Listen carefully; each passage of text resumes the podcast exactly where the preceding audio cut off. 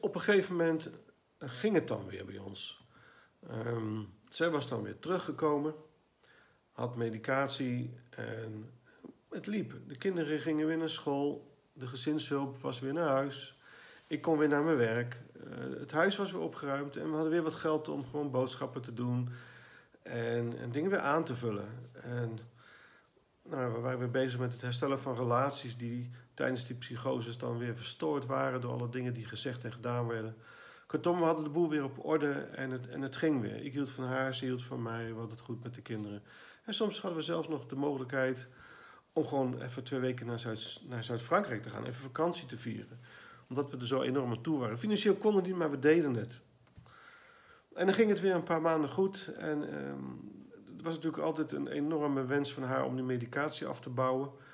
En, en, en ik vond het ook terecht. Ik had een groot vertrouwen in het, in uh, het genezende vermogen van, van mensen, dus ook van haar. En ik kon ook niet geloven dat een psychose er altijd zou zijn.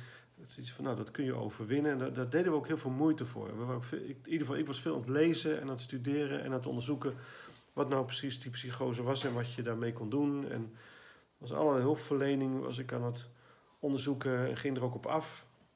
Dus ik had zoiets, we krijgen dit onder de knie. Dus uiteindelijk werd die medicatie ook afgebouwd. En hadden we gewoon een goed leven. Het ging lekker. En meestal was het dan mijn zoon die bij mij kwam en zei: Papa, het gaat niet goed met mama. En ik wist het ook wel, ik had het ook wel gezien, maar ik probeerde het dan te ontkennen omdat ik niet nog een keer door zo'n hele shit uh, situatie heen wilde. Maar er was dan geen houden aan op het moment dat er ook me iets zichtbaar werd van niet oké gedrag. Dat ze begon te wankelen en weer dingen ging zeggen en, en doen waar ik denk van dit klopt niet. Was het ook binnen een paar dagen was het ook weer helemaal mis en was die psychose weer volop aanwezig. En dan kon ze niet meer normaal koken. Ze reageerde niet meer normaal op de dingen om haar heen. Ze ging ook op een andere manier met ons om. Ze schreef ook opeens in een andere, andere taal met andere letters. En echt, er waren wel allerlei wanen en beelden. S'nachts slapen ging dan niet meer. En het werd gewoon een chaos. En meestal had ik het dan gedaan. Ik was degene die de boosdoener was. Ik was de oorzaak van alles. En, en nou ja, binnen de kortste keer was het gewoon weer een puinhoop.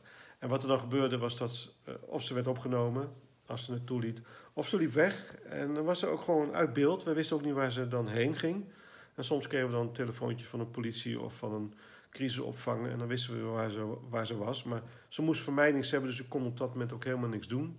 Is echt een verschrikkelijke uh, periode is dat geweest. Elke keer weer. En dat heeft, nou, ik geloof, een 15, 16 jaar geduurd.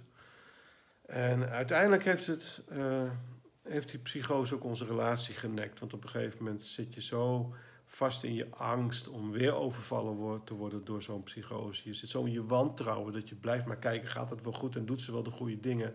Uiteindelijk kan een, overleeft een relatie dat niet. En heb ik uiteindelijk ook een scheiding in gang gezet.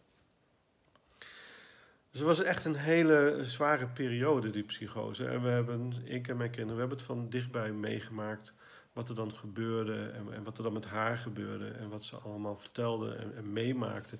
En er zaten echt uh, dingen in. Zij kon dingen vertellen over situaties en omstandigheden zo gedetailleerd. Ik denk van ja, dit kun je wel een hallucinatie of een waan noemen. Maar zo gedetailleerd en zo. Ja, dat kun je niet weten als je het niet werkelijk hebt meegemaakt. Dus er zat naar ons idee wel iets meer in dan alleen maar uh, waan of hallucinaties of een chemische verandering in de werking van je hersenen. Nou, wat er ook gebeurde, is dat er natuurlijk elke keer hulpverlening kwam en ze opgenomen werd. En ik geloof dat zij in 20 jaar tijd ook 20 diagnoses heeft gehad. En elke diagnose ontnam haar een stuk waardigheid, ontnam haar een stuk kwaliteit of vaardigheid. Want hè, als je kijkt, ze had best, ze heeft gewerkt en ze heeft ook werk gedaan. Maar op een gegeven moment is ze gestopt met solliciteren en zoeken van werk, omdat in een diagnose was gesteld niet in staat tot het uitvoeren van werkzaamheden in een, in een werkgever-werknemersrelatie. Oké, dat nam ze serieus, dus ze deed ook geen moeite meer daarvoor. En weer in een andere diagnose stond dat ze niet in staat was tot het voeren van een relatie. Dus toen wij gescheiden waren, ging ze ook niet meer op zoek naar een relatie en liet ook geen relatie toe. Omdat in de diagnose stond dat ze dat niet kon. En zo had ze twintig diagnoses. Hè? Dus dan kunnen we nagaan dat er van haar eigen waarde en zelfvertrouwen niet veel is overgebleven en zij zichzelf tot niets in staat achter. Dat was niet waar, maar dat is wat de diagnoses uiteindelijk hebben veroorzaakt. En waren die diagnoses dan fout? Nee, aan de hand van de symptomen en het DSM-5-boekje wat ze daarvoor gebruiken, toen nog DSM-3 of 4, klopte het allemaal. Alleen, waren allemaal momentopnames en die momentopnames werden vastgelegd en werden niet meer doorgehaald. Dus die bleven bestaan in haar dossier en op haar voorhoofd stonden al die diagnoses. En zij nam ze ook allemaal serieus. Nou, van het begin af aan ben ik heel erg op zoek gegaan wat is nou die psychose, waarom is die bij ons, wat betekent het voor mij, wat betekent het voor de kinderen, wat betekent het voor haar en wat kunnen we ermee doen. Nogmaals, ik had een groot vertrouwen in het zelfgenezend of het zelfhielend vermogen van mensen, dus ook van haar, dus ook in deze psychoseperiode. Nou, ik ben er wel heel druk mee bezig geweest om daar mijn bijdrage aan te leveren. Alleen voor haar heeft het blijkbaar niet gewerkt. En of dat nou we niet kunnen, niet willen of we niet durven is geweest, dat weet ik niet. Het heeft alleen voor haar niet gewerkt. Maar het heeft mij wel een hoop wijzer gemaakt. En het, het, het, rare is dat je elke keer tegenkomt dat als je gaat vragen wat is nou precies een psychose en hoe komt het nou, dat het niet verder komt dan erfelijke bepalingen, genetische bepalingen, omgevingsfactoren. En dat is het dan. En dat doet dan blijkbaar iets met je brein, waardoor de chemische werking in je brein wordt veranderd en er fouten optreden. En dan heb je zoiets als een psychose. Nou, in uh, de 20, 30 jaar dat ik hiermee bezig ben geweest, ben ik naast de, de, zeg maar, de erfelijke factoren en de genetische factoren en de omgevingsfactoren ben ik er nog in tegengekomen. Dat is het bewustzijn. Alleen als je het gaat hebben over het bewustzijn, loop je op een, in een doodlopende weg als je de reguliere medische wetenschap daarin wil betrekken. Want die, die denken, of die zijn ervan overtuigd dat bewustzijn een bijproduct is van je breinwerking. Dus in die zin is het niet interessant. Ze kijken alleen maar naar dat brein. En als het brein er steeds misgaat, dan krijg je dingen als een psychose of schizofrenie of manische depressiviteit. Dus het heeft te maken met die stofjes in je brein. Ik denk, en dat is ook mijn bevinding van de afgelopen 20, 30 jaar, dat dat niet helemaal klopt. En dat je zeker ook het bewustzijn moet gaan kijken. Want ik denk dat juist het bewustzijn eigenlijk de grootste en de meest bepalende factor is in dit soort zaken. Als je kijkt naar hoe wij uh, elke, dag, hoe we elke dag leven, hoe, hoe, wij het doen. Wij hebben waarnemingen en indrukken. En die waarnemingen en indrukken die slaan wij op. Die komen in ons bewustzijn terecht en daar borduren we op verder. Wat ik vandaag waarneem, daar ga ik morgen weer mee verder. Als ik vandaag iets lekker heb gevonden of iets leuk heb gevonden, dan weet ik dat morgen nog en dan ga ik er misschien weer naar op zoek. En misschien wordt dat wel mijn verslaving of mijn hobby. Dus, uh, en het is ook zo met kennis. Hè? Kennis die wij opdoen, dingen die we leren, die slaan we op in ons bewustzijn en dan beduren we verder. En zo leren we steeds meer, worden we steeds handiger, krijgen we steeds meer kwaliteiten en vaardigheden. Dus alles wat wij aan waarnemingen en indrukken hebben, slaan we op in ons bewustzijn en gaan ermee verder. Dat wordt trouwens niet in ons brein opgeslagen, dat dacht ik vroeger ook. Maar nadat ik het boek van Pim van Lommel heb gelezen, dat boek Eindeloos Bewustzijn, um, zijn, maar, zijn wetenschappelijke visie op de bijna doodervaringen, ben ik daar anders over gaan denken. En ben ik het met hem eens dat niet het brein de opslagcapaciteit is, maar het bewustzijn. Dus dat het brein de interface is die alle waarnemingen en indrukken doorsluist als het ware naar ons bewustzijn. Het bewustzijn vult het in, herkent het, geeft er een bepaalde betekenis, inkleuring en kader aan en dan pas zien we dat wat we zien. Dus alles wat we zien wordt eigenlijk bepaald door wat we in ons bewustzijn hebben. En dat is een hele interessante benadering. Want als we heel veel uh, rare dingen in ons bewustzijn hebben die niet kloppen, dan heb je kans dat die dus ook onze huidige waarnemingen gaan invullen. Nou, ik ben nog daarop doorgaan beduren. En um, in het boek van Pim van die heeft het over het bewustzijn. En ik denk dat het bewustzijn, dus het allesomvattende universele bewustzijn, dat, dus zeg maar, dat, waar alles al in zit, dat dat alleen maar bereikbaar is als we bijna doodgaan. Want dat is waar mensen met een bijna doodervaring over praten. Dat ze opeens snappen hoe hun leven in elkaar zit, waarom dat leven er is en hoe dat leven in relatie staat met hun omgeving, met hun stad, met hun land, met de, met de wereld, met het universum. Kortom, dan hebben ze een compleet overzicht van wat dat leven nou precies betekent en, en hoe dat werkt. Alleen als ze dan weer uit die coma terugkomen, dan weten ze dat ze het geweten hebben, maar ze weten niet meer precies hoe en wat. Dus blijkbaar kun je dat bewustzijn alleen maar in als je bijna doodgaat. En ik denk dat wij met z'n allen de grootste moeite hebben, of de grootste moeite leveren, om juist niet bijna dood te gaan. Dus op een, een of andere rare manier komen we dus nooit bij dat alles opvattende bewustzijn terecht, behalve als we doodgaan. En in ons leven hebben we gewoon te maken met ons eigen bewustzijn. Dat wat wij er zelf aan waarnemingen en indrukken in hebben gestopt, nou dat doen we niet, dat gebeurt. Dat is waar we ook uit kunnen putten. Als iemand Russisch met mij gaat praten, ja, ik heb geen Russisch in mijn bewustzijn, dus ik ga hem niet verstaan. Terwijl Russisch zeker wel in heel veel bewustzijns aanwezig is. En ook in het totale bewustzijn aanwezig is, maar niet in het mijne. Dus ik kan niet verder dan mijn eigen bewustzijn. Maar het is ook even een goede om vast te houden dat we allemaal eigenlijk een eigen individueel bewustzijn hebben. Nou, en als je ervan uitgaat dat kinderen worden geboren met reeds volheid, dus dat ze al voorkeur, afkeur hebben, kwaliteit hebben die, ze al, die al ontwikkeld zijn, dat ze al dingen kunnen, of dat er al ziektes zijn, of dat er al pijn is of angst, dan moet je er eigenlijk van uitgaan dat als kinderen worden geboren met volheid, dat die volheid eigenlijk het bewustzijn is. Dus dat kinderen al met bewustzijn geboren worden. Dat is ook een hele interessante, want dat zou namelijk heel veel verklaren. Als ik op dit moment op YouTube kijk naar uh, jonge kinderen en muziekinstrumenten, dan kom ik echt hele jonge kinderen tegen die muziekinstrumenten bespelen, die normaal gesproken, uh, dat kun je alleen als je 30, 40 jaar lang zo'n instrument bespeeld hebt. Maar ze bespeeld op een 8, 9-jarige leeftijd al. Dat kan eigenlijk helemaal niet. Die hebben net een paar jaar lang de motorieken voor elkaar en spelen dan bas of gitaar of drums als een volleerde drummer, bassist of gitarist. Dat kan helemaal niet. En toch is het zo. Dus komen die kinderen al op aarde met al reeds ontwikkelde vaardigheden? Ja, de enige conclusie die je kunt stellen is ja. Want dit heeft niks te maken met uh, erfelijke factoren, genetische bepalingen of om, om, omgevingsbeïnvloeden. Die spelen wel een rol, maar niet zo'n grote rol dat dat kan. Dus dat is een hele interessante dat wij worden geboren met reeds bewustzijn.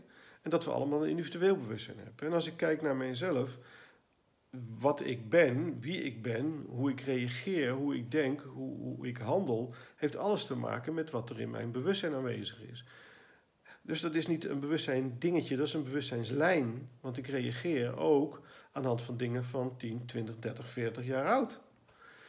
Dus dat is eigenlijk mijn conclusie dat we eigenlijk allemaal een eigen individuele bewustzijnslijn hebben waar we uit leven, waar we vanuit handelen denken en voelen. En als we al geboren worden met die individuele bewustzijnslijn, kun je je misschien ook stellen dat die bewustzijnslijn misschien al eeuwen gaande is.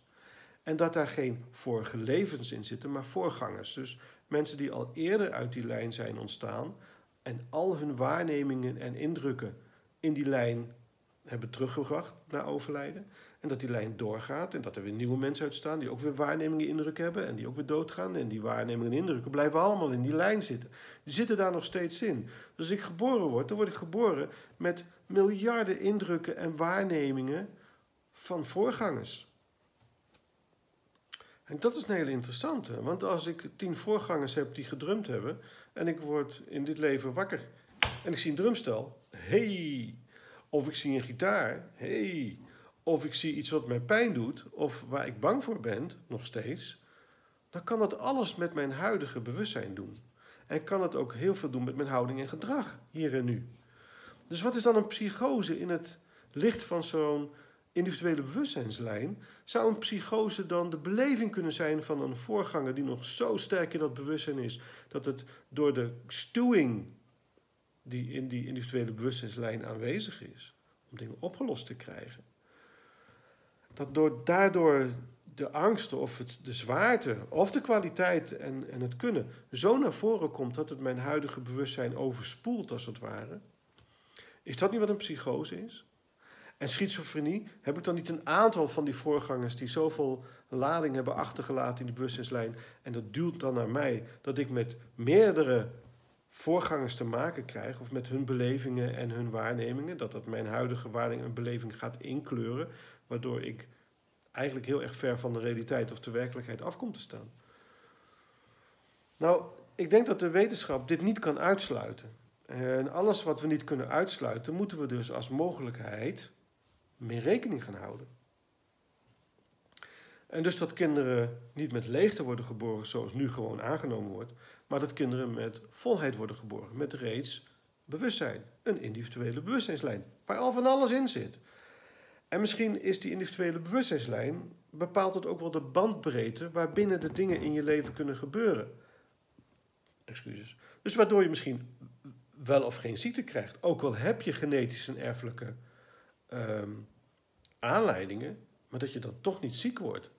Dus als ik in mijn erfelijke en genetische bepaling heb dat ik kanker kan krijgen, en dat, ik daar hoogstwaarschijnlijk, uh, dat het hoogstwaarschijnlijk is dat ik dat krijg, maar het zit niet in de bandbreedte van mijn individuele bewustzijnslijn, dan krijg ik die ziekte niet. Punt uit. Zit het wel in mijn bandbreedte, dan krijg ik die ziekte wel. Ook al heb ik niet de genetische en erfelijke factoren tot mijn beschikking. Ook al zijn niet de omgevingsomstandigheden zo. En dat is wat we heel vaak zien, hè? dat mensen op uitzonderlijke wijze toch ziek worden of juist niet ziek worden. En dat de wetenschap zegt van ja, nou ja, dat is dan toevallig zo of per ongeluk en uh, daar moeten we dan maar mee leven. Nee, dat is geen antwoord. Dat is geen, medische, geen wetenschappelijke benadering. Is dit wat ik nu aangeef, die individuele bewustzijnslijn, is dat een wetenschappelijke benadering? Ook niet. Maar je kunt hem ook niet uitsluiten. Dus je zult er rekening mee moeten houden.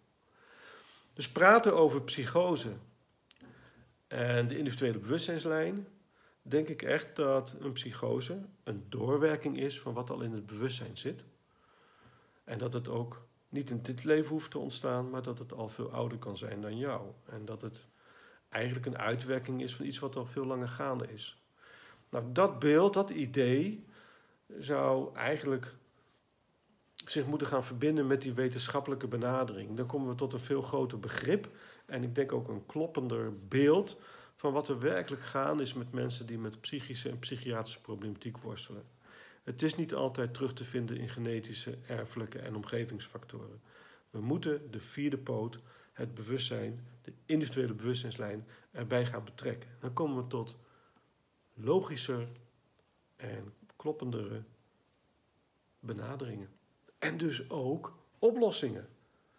Dan kunnen we ook andere therapieën gaan bedenken, andere begeleiding gaan bedenken, die veel meer op dat wat klopt gebaseerd is, dan zomaar een slag in de lucht en maar hopen dat het wat doet.